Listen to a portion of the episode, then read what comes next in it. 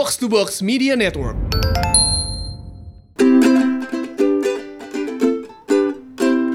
Mencoba minimalis. Mencoba minimalis, mengurangi yang nggak perlu. Memasuki tahun kedua pandemi, plus dua minggu terakhir puasa, gimana nih kabar berat badan temen semua? Turun apa naik? Karena gue sendiri itu udah kayak ibab asli gendats. Belum lagi keplesetnya nih ya kan pas bulan puasa. Makan kita makin kacau. Buka pakai yang manis-manis karbo bertaburan di sana sini ya kan. Terus olahraga juga ya belum tentu rutin. Mana bentar lagi lebaran ya kan. Hampers makin bikin lemah iman nih. nah, yuk coba kita riset lagi sama-sama ya kan pola makan, uh, terus pola olahraga sama pola istirahat biar kembali rebes semua nih. Kali ini kita kedatangan tamu yang tampan terkendali nih. yuk kita dengerin obrolannya bareng Puri. Selamat datang saudara sesama Bok to Bok Media Network. Ada Coach Mario dari Semur. Hai. Halo, halo. Jadi langsung aja nih ya. Um, sekarang kan ada istilah quarantine 15 atau pandemic Ya. weight gain ya. Jadi uh, lihat aja selama pandemi yang udah tahun kedua ini kita naik berapa kilo gitu kan. Kalau di US itu ada istilah quarantine 15 karena secara general orang naiknya 15 pon yang adalah kurang lebih tujuh setengah kilo kilo. ya. Ah ya 7 kiloan Ah. lah gitu. Jadi sedikit konteks, gue sama Coach Mayo ini udah bukan orang ketemu hari ini. Dia dia adalah orang yang selalu memberikan aku pecut ya, pecut pecut banget maupun eh, ini pecut tega kalau kita latihan jarak jauh. Jadi gue tuh latihan sama dia Oke. gitu. Nah, tapi eh, pertanyaan paling dasar dan ini sempat gue tanyain juga waktu pertama kali latihan sama lo adalah gimana cara paling taktis nyetop siklus Aha. pandemic weight gain atau si quarantine 15 ini. Jadi gini, eh, kenapa kita berat badannya bisa naik? Itu kan sebenarnya karena kita kurang bergerak, lebih banyak makan daripada bergerak, jadi tubuh menimbun lemak. Yang gue perhatikan adalah kalau dulu misalnya kita mesti ke kantor, misalnya naik kendaraan pribadi atau kendaraan umum bebas, lo kan keluar rumah, siap-siap jalan, eh, ada energi yang lo buang di situ gitu kan. Lalu kemudian and then boom, semuanya WFH, kita nggak ngapa-ngapain, eh, energi yang lo pakai mungkin eh, turun sedikit, tapi mungkin makan kita tetap sama itu yang bikin tambah gemuk. Ini sambil kita ngobrol, jadi eh, Afwan tuh dia minta maaf dia nggak bisa ada di sini karena dia masih ada urusan Iya nggak ngajar. apa-apa. Cuman dia langsung kayak Mhm. jangan lupa tanyain tips taktis weight loss saja.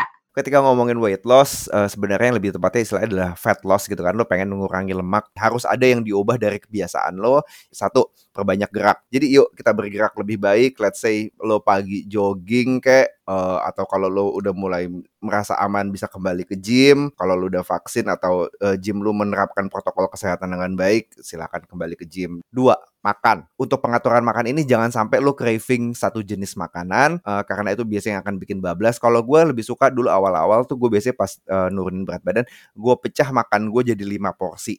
Jadi sarapan gue makan, gue ada snack jam 10, biasanya gue makan buah atau sayur, eh, terus kemudian makan siang, sore gue juga ngemil, malam gue makan eh, ngemil yang sehat ya, it's either kacang-kacangan yang dipanggang atau direbus atau sayur-sayuran atau buah, eh, terus malam juga makan, eh, kurangin karbohidrat kalau udah malam. Salah satu cara paling sederhananya ya bergerak lebih banyak gitu. Gue yakin kalau disuruh ngurangin makan kan orang susah ya teman-teman kita, eh, gue sendiri aja susah gitu ngurangin makan. Jadi intinya eh, bergerak lebih banyak aja lah. Kalau ngurangin makan, gue yakin itu masih coping mechanism banyak orang untuk melewati stres ini. Wow, terima kasih udah dibilang begitu ya karena emang gue juga Iya. secara sadar sih ya kayaknya Gue bukan aliran garis keras untuk begini begini begini enggak enggak enggak. What works for you then it works for you. Kita gampang-gampangnya Ah. aja. Oh oke, karena lu udah bilang itu, gue jadi ingat em, pas kita ngobrol juga gitu ya, eh, awal-awal gue transisi dari yang mager,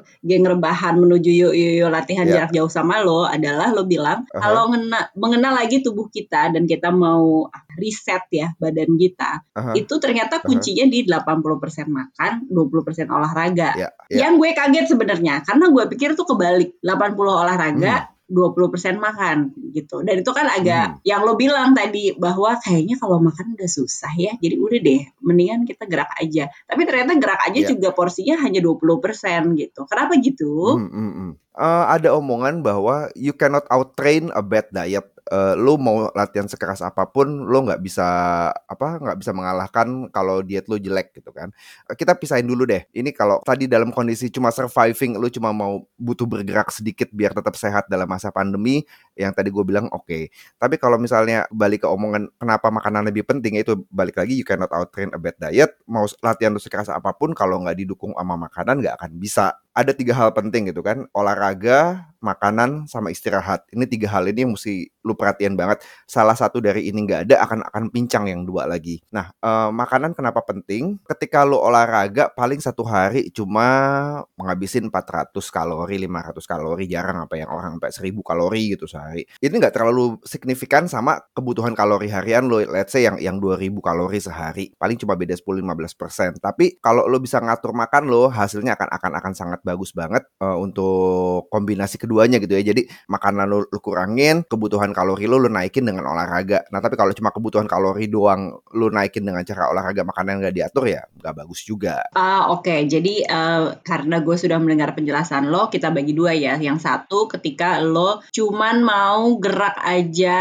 yeah. surviving mode di masa pandemi, yeah. makan lo sama, geraknya ditambahin. Yeah. Tapi ketika lo udah ada ngerasa kayaknya gue harus turun berat badan deh, harus ada weight loss di situ, uh. harus diperhatikan yeah. lagi si tiga elemen tadi gitu ya. Yes, betul. Ah, oke. Okay. Sekarang misalnya ini tujuannya udah mulai mau ke weight loss dan hmm. kita sudah paham betapa pentingnya makan ya di dalam uh, ngeriset tubuh atau turun berat badan. Menurut ya. lo pembagian makan di piring itu proporsinya gimana tanpa menjadi menderita ya? ya Soalnya ya, ya. kayaknya udah sering deh kita denger cerita orang coba berbagai diet gitu ya, tapi akhirnya hanya hmm. uh, bertahan mungkin tiga bulan aja, habis itu balik lagi dan bahkan naiknya luar biasa gitu. Ya. Nah kayak apa sih yang Eling itu makan biar nggak hmm. kaget, hmm. tapi kita juga happy sama progresnya gitu yang biasanya orang uh, balik lagi karena setelah diet ketat tuh biasanya ada salah satu elemen makanan yang dibuang gitu. Uh, kalau misalnya lu cut carbs total gitu, karbohidrat lu nggak makan sama sekali. Tubuh lu tuh karena tetap butuh karbohidrat dan akan craving karbohidrat sehingga bisa apa relapse gitu kan. Kalau di piring makan sebenarnya aturannya tuh lu makan nasi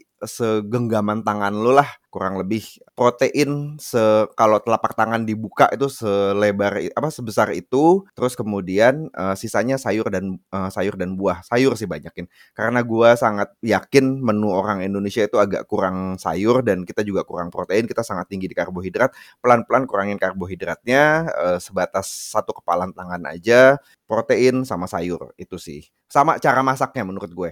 Cara masak yang paling tidak sehat kan menurut gue itu kan yang deep fried ya yang digoreng. Kalau lu bisa ganti ke pengolahan lauknya jadi tumis kukus uh, dimasak kuah sop soto atau jenis-jenis apa cara pengolahan lainnya itu akan bagus banget I see. Oke. Okay. Nah, karena tadi lu juga bilang soal apa? Istirahat selain makan, yes. olahraga, istirahat. Yes itu gimana tuh? Ketika lu olahraga, sebenarnya itu kan lu sedikit merusak badan lu ya. Misalnya let's say uh, lu latihan angkat beban, makanya suka ada pegel-pegel tuh kan ada otot yang sedikit robek gitu. Dan ketika lu tidur, tubuh lu regenerasi, otot lu jadi tumbuh lebih tebal. Regenerasi itu kan bahan bakar dari makanan, dari protein. Jadi ketika lu tidur, protein yang udah lu makan seharian itu akan dipakai tubuh untuk regenerasi gitu. Jadi proses fat burning juga terjadi saat lu tidur, proses pembentukan otot juga terjadi saat lu tidur sehingga tidur itu nggak boleh dikesampingkan karena ya kalau uh, tidur lu cukup ya lu akan bisa jadi lebih sehat. Gitu. Kalau tidur cukup tuh yang dimaksud apakah si 8 jam itu atau uh -huh. jam tidurnya? harus sudah tidur jam 10 ke atas misalnya kayak gitu. Ini ada ada ada dua pandangan sih. Gua pernah ngobrol sama dokter uh, jantung gitu kan. Dia bilang kalau lu mau jantung lu sehat, sampai usia tua usahain jam 10 itu tidur gitu. Jam 10 udah di kasur lah, jam 11 udah udah udah udah pulas. Tapi kan kita susah ya, kita banyak kerjaan malam gitu kan. Kalau untuk general health doang biasanya disyaratkan 6 sampai 8 jam aja, tapi kalau lu uh, 4 jam 5 jam udah fresh, itu tiap orang beda-beda memang. Tapi kalau general rule of thumb-nya itu 6 sampai 8 jam. Dan gak dicicil ya berarti? Dan gak dicicil. Jangan bilang lu begadang begadang begadang terus nanti di, apa di ditebus di weekend gitu misalnya. Jangan gitu juga. Kenapa tuh? Karena jelek ke, ke jantungnya. Iya, nggak nggak bagus juga. Jadi sebenarnya tidur itu kan kebutuhan harian ya, bukan kebutuhan mingguan yang lo kejar weekdays tidurnya ngaco lalu weekend ngolor seharian gitu. Harus harus rutin dong kalau buat urusan tidur. I see. Aduh, gimana nih anak ahen sih? Ahen sih? WFH? dari rumah? Anak media? Ya, media. Iya, iya, iya, iya. Ya. Oke, eh, berarti istirahat esensial, jangan dicicil, tidur yeah. adalah penting. Yeah. Gue balik lagi ke makan nih, dengan terlalu banyaknya pilihan diet ya. Yes. Aduh, udah udah banyak deh dari mulai zaman keto ya, sebelum pandemi itu kita denger hmm. keto, terus ada beberapa temen gue ke paleo. Yeah. Sekarang lagi tren juga intermittent fasting gitu. Yeah. Uh, Sebenarnya apa sih yang esensial buat kita? Bolehkah kita memilih pola makan yang seperti tadi tuh ada IF, keto, paleo? Hmm. Menurut lo gimana hmm. secara pandangan profesional personal coach nih? Kalau intermittent fasting itu kan sebenarnya cuma ngomongin kapan kita makan. Intermittent fasting itu mengatur jam makan. Kapan lu boleh makan, kapan tidak makan. Biasanya 16 uh, eh, paling sederhananya dia 16 jam tidak makan, 8 jam boleh makan. Itu hanya mengatur kapan lu boleh makan. Tapi intermittent fasting belum mengatur makan apa, dan berapa banyak eh, lalu apa yang dimakan. Jadi lu mesti perhatiin juga jangan sampai cuma 8 jam di waktu uh, lu boleh makan itu lu makannya menggila atau makannya junk food atau makannya banyak gorengan atau lu makannya banyak gula jangan begitu juga diusahakan saat intermittent fasting di, uh, di jam makannya tetap makan yang sehat lah yang tadi kita udah obrolin.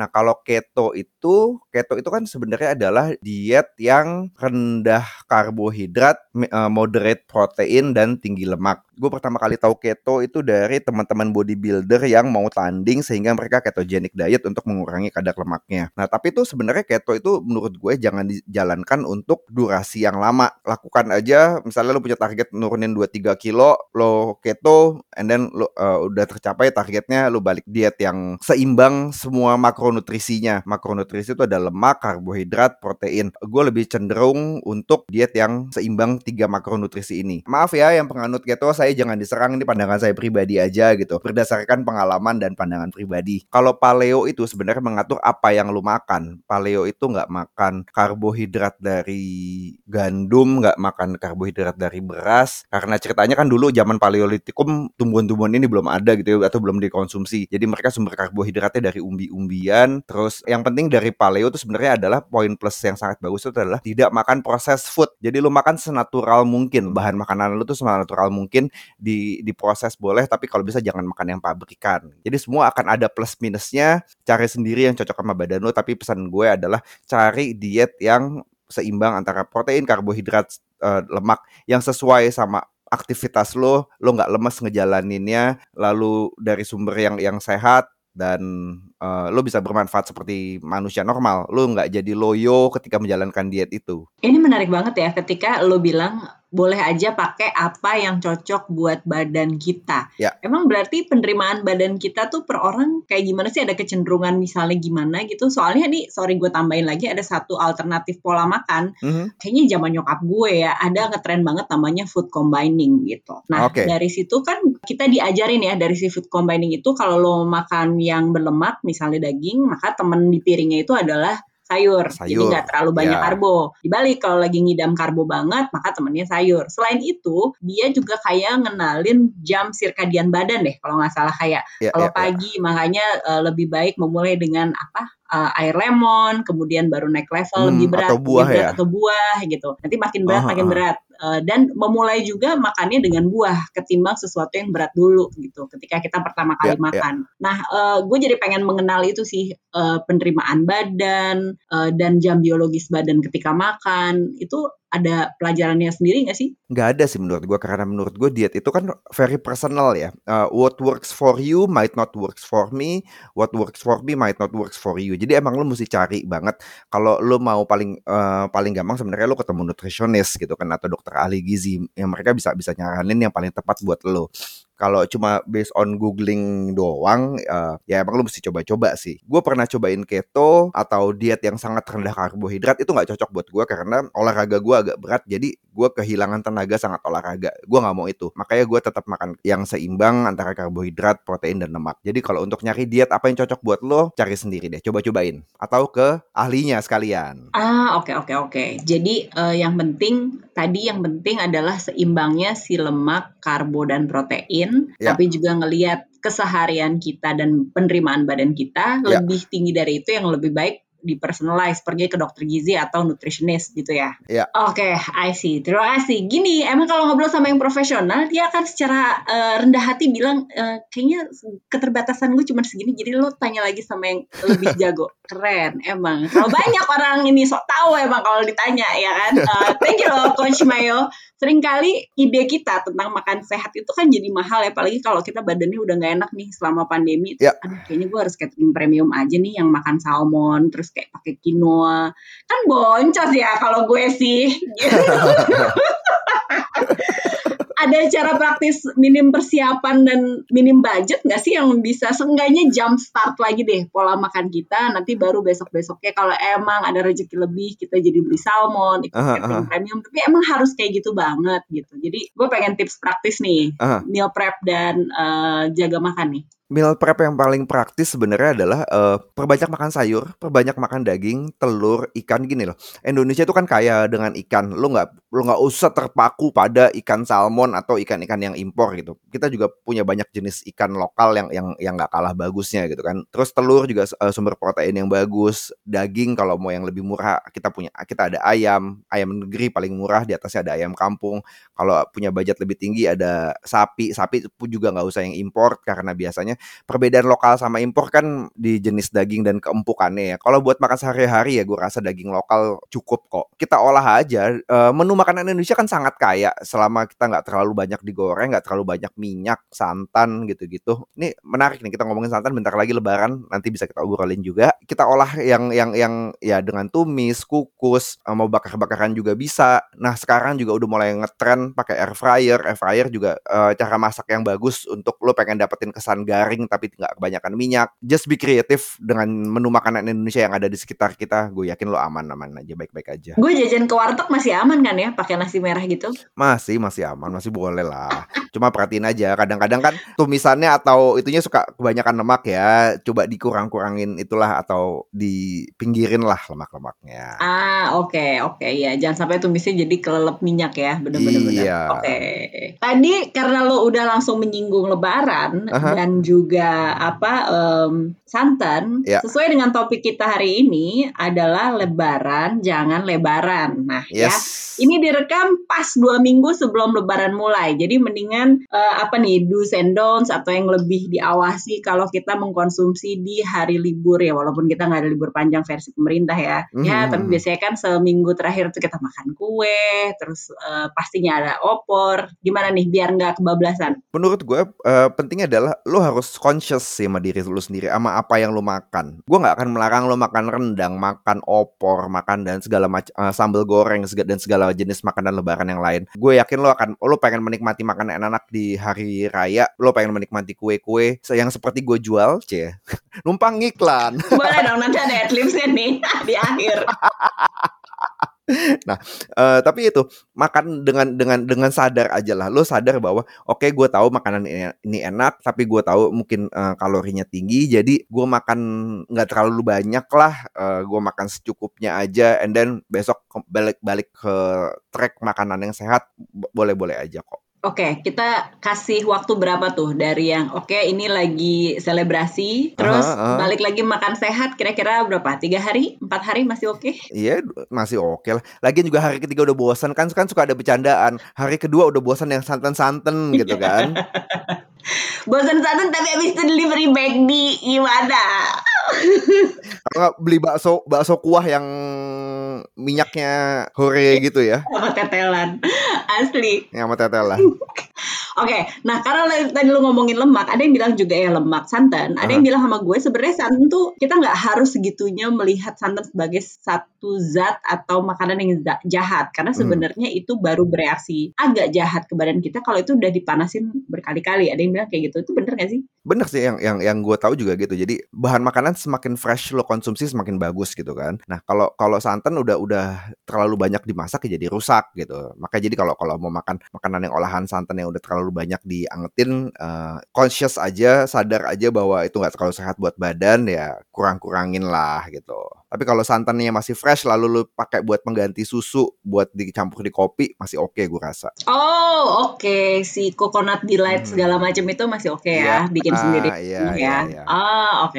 Iya iya. Nah, eh, makanan dan minuman jebakan apa yang kita pikir tuh oh segini doang gitu, tapi ternyata berimbas kalori sama lemak yang tinggi buat badan. Apalagi ini dalam konteks ketika kita lagi mau eh, pengurangan berat badan atau weight loss ya. Menurut gua sebenarnya yang yang, makanan banyak jebakan tuh eh, makanan-makanan manis, kue-kue yang manis. Karena gini deh, ada istilah namanya kalori density. Seberapa padat makanan ini mengandung kalori gitu kan. Biasanya yang suka dijadiin perbandingan itu misalnya satu bowl sayur-sayuran segar sama satu potong kue gitu. Lo mungkin makan makan kue gak berasa, makan terus satu potong, tapi mungkin kalau makan sayur segar satu mangkok gitu akan akan cepet kenyang karena si sayur segar ini masanya besar tapi kalorinya kecil beda sama sama kue-kue misalnya yang isinya udah tepung telur gula minyak eh, butter gitu misalnya kan. Eh, dia jadi sangat padat kalori sehingga lu makan sedikit aja mungkin kalorinya udah tinggi. Dan kita tuh punya kecenderungan kalau makanan manis itu eh, ini ada hubungannya sama sama evolusi kita bahwa dulu kita tuh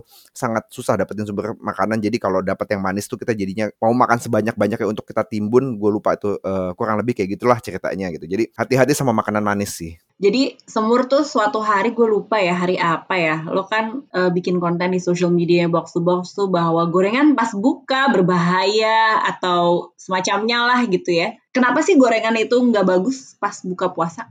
Kenapa gorengan nggak bagus pas buka puasa? Itu gini, lo kan abis berpuasa nih, tubuh lo nggak dapat apa asupan nutrisi selama berapa? 14 jam, 15 jam lebih gitu kan, hampir 16 jam mungkin. Nah, itu ketika lo makan, apa pun yang lo makan tuh akan cepet banget diserap tubuh gitu. Kalau lo yang lo asup itu adalah gorengan, berarti kan lo sangat cepat menyerap makanan yang nggak sehat itu. Eh, gorengan itu nggak sehatnya ya kalorinya tinggi, terus ada karsinogennya gitu kan. Jadi kalau bisa saya eh, buka puasa dengan sesuatu yang lebih fresh kayak buah eh, atau air putih dan ya kalau mau yang manis-manis eh, kalau nggak bisa menghindari gula ya nggak apa-apa lah gula dikit tapi menurut gua kalau lo mau mau buka puasa yang yang sehat dengan air putih dan buah tuh bagus banget sih walaupun gue yakin susah. Ah ya, dan ya tadi lo bilang karsinogenik kan, ya kalau apalagi kalau gorengannya yang ditaruh di abang-abang kita nggak tahu itu ada Abang-abang, ada plastiknya kan? Yoi, kriuk-kriuk plastik. Dibungkus pakai kertas koran. Ah, Terus ini eh, sama kerupuk dan itu loh apa sih kalau kita lebaran tuh suka ada oh keripik iya kentang yang kerupuk. keripik Iya, kentang iya, balado kering yang kering kentang. kentang itu Heeh, itu juga heeh, jebakan heeh. ya Batman ya. begitu begitu iyalah itu kan goreng-gorengan juga Coba kerupuk diperumpamakan enak kerupuk, kriuk-kriuk kerupuk tapi nggak ada Nah, gizinya kerupuk itu se seapa berapa mangkok sayur itu atau seapa gitu. maka secara sadar aja ini Ya, bahwa bahwa si kerupuk ini adalah teman Aduh, makan ya susah. lu makan satu dua masih boleh lah jangan masih jangan jangan semua loh jadi craving bio. Enggak gue tunggu gue nih ya, gue sambil googling nih ya temin ya. Coba Aha. kerupuk putih aci ya yang yang bulat itu berapa kalori gue mau hitung. Gue lihat di fatsecret.co.id. Kerupuk bulat aci Aha. itu 299 kilojoule. Iya. 71 kilokalori. Oh, 71 kilokalori. Hmm, lihat yang itu ya tapi bisakah anda makan satu doang itu dia pertanyaannya kayak nastar nastar gue tuh satu satu satu nastar paling 50 kalori gitu kan tapi apakah anda bisa makan satu nastar Oh doang iya deh. sekali Oh, buka toples kasih. Oh iya ya, Anda udah iya. Saat iya enggak sekali buka toples tuh kan orang kalau stop secara yang ya udah akhirnya gue stop tuh 10 sih Heeh, secara general. oke Jadi tuh 400 ya. udah tuh kan iya 500 sendiri Eh ya baiklah. Tuh gue dipecut. dengan penuh cinta. Oke, sekarang gini, ada juga misalnya kita udah lebaran ya, Ya. eh, atau hari raya apa pun lah yang lo lagi pengen makan enak. Aha. Ada versi orang yang suka akhirnya dengan sengaja detox. Dia ngejus tiga hari untuk riset bad- badan gitu. Itu sebenarnya oke atau enggak, mitos atau faktakah ketika kita mau kembali ke jalan yang benar dengan sistem seperti itu? Gue akan jawab ini dengan dengan sangat hati-hati ya, karena gue tidak mau menyinggung para pelaku jus detox ini gitu. Buat gue pribadi, konsumsi produk detox itu nggak perlu karena tubuh kita ini sudah punya organ detox masing-masing. Ada ginjal, ada liver, paru-paru, kulit itu kan semua organ detox gitu kan. Masing-masing organ membuang racun spesifik sesuai dengan eh, kerjanya dia. Kalau diomongin pro- eh, produk detox dengan sedikit kritis, lo mesti tahu ini sebenarnya dia membantu organ apa, racun apa yang dia bantu buang dengan konsumsi produk detox ini gitu kan. Kalau nggak bisa jawab ya udah gitu kan. Lu jangan terlalu mikirin ini sebagai pro- produk detox. Tapi kalau lu mikir oke dengan dengan eh, konsumsi produk detox ini yang mana berarti lu konsumsi lebih banyak sayur dan buah lalu lu bisa jadi kickstart buat awal hidup sehat lo, go ahead. Kan lebih penting daripada lu detox tiga hari, yang lebih penting selanjutnya lu ngapain. Kalau selanjutnya lu makan bablas, makan ancur-ancuran dan gak perhatiin kesehatan lagi, apa gunanya tiga hari kemarin? Tapi kalau setelah tiga hari lu kickstart dengan dengan minum pro- eh, produk detox lalu lu bisa lebih eling untuk menjalankan diet, go ahead. Ah, oke. Penting tuh ya. Jadi kita tuh melakukan detox dengan minum-minuman itu tuh mengeluarkan apa sebenarnya? Mhm, Oke, oke. mhm, mhm. Nah, eh, sekarang kalau ngomongin olahraga, Ya. ini untuk yang rebahan asli, kita udah nggak pernah olahraga ya selama satu tahun terakhir ya. Aha. Ada nggak sih semacam gerakan minim yang bisa kasih impact gede gitu ke tubuh? Entah itu impactnya biar ngebakar apalah ya eh, lemak-lemak yang ada di bagian perut misalnya, atau misalnya menjumpstart kembali pola biar kita lebih rajin aja gitu ngelakuin itu secara reguler. Dari lo ada tips? Eh, gue sangat suka gerakan squat, makanya kalau gue ngelatih lu gue banyak kasih squat. Asli. Nah, nah karena menurut gue squat itu kan apa ya? Gerakan compound movement. Compound movement itu gerakan yang melibatkan ba- eh, beberapa, beberapa sendi sekaligus. Lo meli- melibatkan hips, lo melibatkan eh, dengkul, melibatkan ankle gitu kan. Dan lo untuk berdiri tegak pakai otot perut. Jadi menurut gue eh, selain squat cari juga gerakan-gerakan yang melibatkan banyak sendi. Biar lo eh, satu gerakan eh, yang kelatih ototnya banyak. Misalnya push up kalau lo ada pull up bar lo boleh pull up. Eh, ya jadi cari gerakan yang yang yang, yang melibatkan eh, banyak sendi deh. Itu kalau yang penguatan otot ya.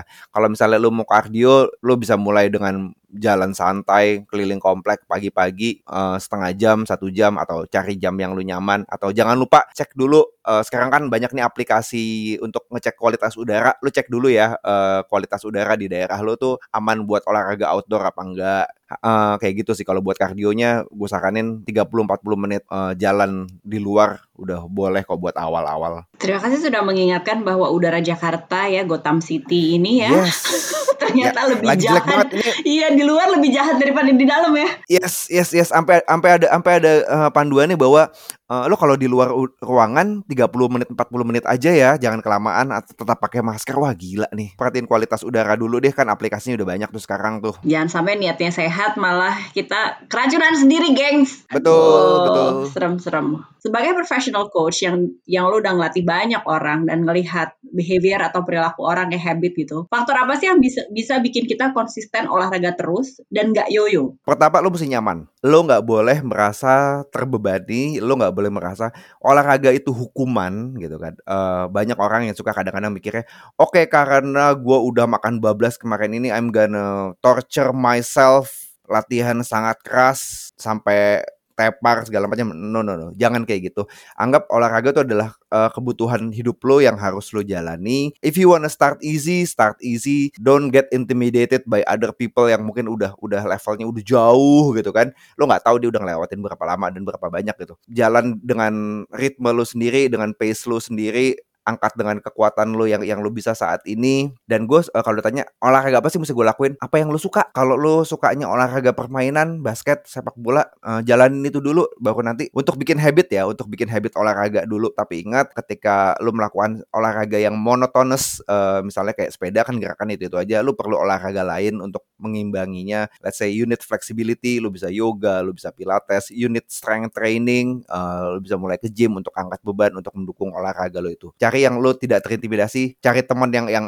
enak buat olahraga bareng, that's it. Benar benar. Dan gue terus terang ini menambahi ya apa yang lu udah omongin. Mhm. Gue butuh waktu panjang sekali mencoba banyak jenis olahraga hanya karena itu tren, tapi gue baru nyadar bahwa yang tepat buat gue dan terima kasih pada pandemi adalah bekerja sama dengan coach Mario jarak jauh. Udah. Thank you, thank you. Iya, kenapa? Karena eh, kita kan suka itu ya kayak jadi donatur gym nih kayak gue kemarin-kemarin gitu. Ah, ah, ah, ah, ah, ah, Eh, ah. di gymnya tuh suka karena ketemu misalnya personal trainer atau kelas gitu. Tapi menuju gymnya itu loh yang menjadi godaan terbesar apalagi sebelum pandemi ya. Apalagi gymnya misalnya jauh, macet segala macam. Dan jadi lebih sering gue nggak masuknya daripada gue masuknya. Dan sekarang lo udah ngasih terima kasih pandemi ada kelas online gitu ya, lo di zoom, lo login, kan ternyata orang kaya gue itu tipenya seneng ditontonin dan digonggongin. Karena kalau enggak lo, duh enggak deh, kenapa sih lo enggak nonton YouTube aja dan ngelakuin sendiri? Enggak.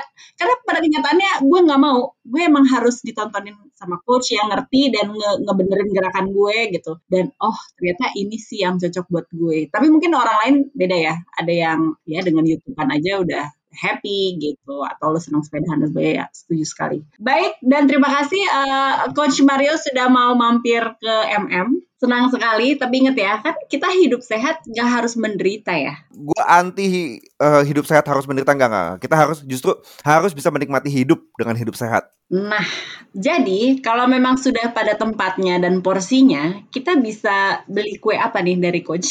Iya, coba masuk. Eh, Oke, gue sebenarnya jualan kue lebaran di gue itu model kayak kastengel, nastar, eh, putri salju dan lidah kucing. Gue juga ada lapis legit. Itu gue jualan pakai nama Butter Dream gitu, butterdream.id kalau di Instagram. Oke, karena gue lagi diundang kali ini sebagai coach, gue mendingan gue promosi gym gue aja gimana? Gokil. Silakan. Jadi ketika Ramadan sudah selesai, Lebaran sudah selesai, mau udah berani ke gym lagi, silakan kontak Coach Mario di mana? di eh, Instagram gue FX Mario, Twitter gue FX Mario, gue juga ada gym namanya Infinite Fit Camp at Infinite Fit Camp kalau di Instagram itu lokasi di GBK. Kalau lu sebagai pemula lu nggak tahu mesti gimana, eh, olahraga di gym gue itu bentuknya kelas, jadi kita udah bikinin programnya. Akan ada coach yang ngajarin lu, akan ada coach yang ngeliatin lu. Kita akan akan ngebantu lu dari awal banget bagaimana olahraga yang baik. Terus kalau lu takut dengan pandemi, kita selalu memastikan untuk semua orang berjaga jarak. Lalu kemudian kita nggak eh, sebisa mungkin nggak sharing alat sih. Jadi semoga itu bisa mengurangi ketakutan lu untuk kembali ke gym. Goks. Oke, jadi tetap gue ulang nih, ha. ya hadiah untuk eh, FX Mario adalah kalau mau jajan eh, kue kering sudah ada tadi ya, butterdream.id ya.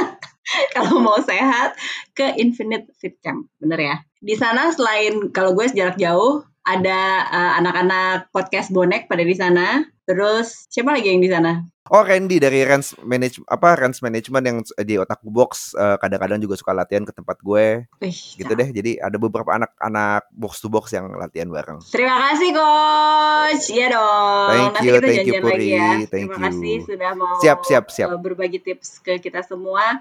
Maaf lahir batin. Ya. Semoga setelah lebaran ini kita bisa lebih jos lagi nih latihannya. Amin, amin. Salam ya buat Wina ya. Siap, siap, siap. Eh, salam juga buat Avo dan yang lain. Bye bye, bye bye. Dadah.